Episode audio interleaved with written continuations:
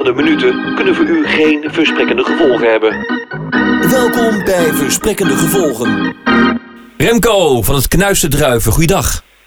Goeiedag, Silvan. Knuiste Druiven voor jong en oud, begrijp ik sinds kort. Knuiste Druiven voor de mensen die dat hebben gemist. Even in het kort. Knuiste Druiven is een, uh, een, een, spel. Mhm. En uh, het uh, kan gespeeld worden gewoon bij de mensen aan de tafel. Maar je kan het ook in een grotere groep doen. En het is de bedoeling dat je een aantal druiven in de knuist neemt. Mhm. En vervolgens uh, probeert om zo ver mogelijk het sap eruit te laten spuiten. Het knuisterdruiven is een, uh, ja, iets, iets heel nieuws, geloof ik, hè?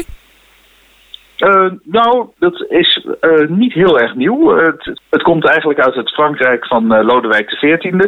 Daar werd het tijdens de grote balavonden werd het gespeeld. Ja. En daar, ja, daar kon je soms over de druivenresten en druivensap niet, meer, niet meer lopen. Knuisterdruif is voor jong en oud, dat zei ik al. Maar uh, de, de, voor de jonge knuisterdruivenknijpers is het uh, toch nog wel vrij uh, risicovol, begreep ik. Want laatst ging het mis. Ja, zeker.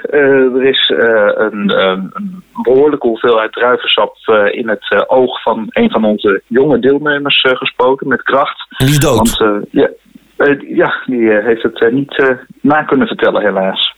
Ja, dus het is wel zaak om daar gewoon de veiligheidsbril, de knuistenbril bij op te zetten. Ja, zeker. Dat is ons nu van overheidswegen ook verzocht om het voortaan uh, op een veilige manier te doen. En er is ook een uh, nu knuisterdruiversinstantie uh, gekomen die daar een aantal inspecteurs op heeft gezet. Knuisterdruiven dus voor jong en oud met veiligheidsbril namens de overheid. Ik, ik kijk er naar uit naar de volgende keer. Ik ga het, ja, volgen. Ja, misschien mag ik nog even, even oh. wijzen op onze website, want uh, de NK komt er weer aan. En uh, dan uh, is het ook leuk voor mensen die het gewoon eens een keer willen zien, die het spel nog niet kennen. Ja. En dat is dan NK voor jong en oud.nl. Oké, okay, dank u wel.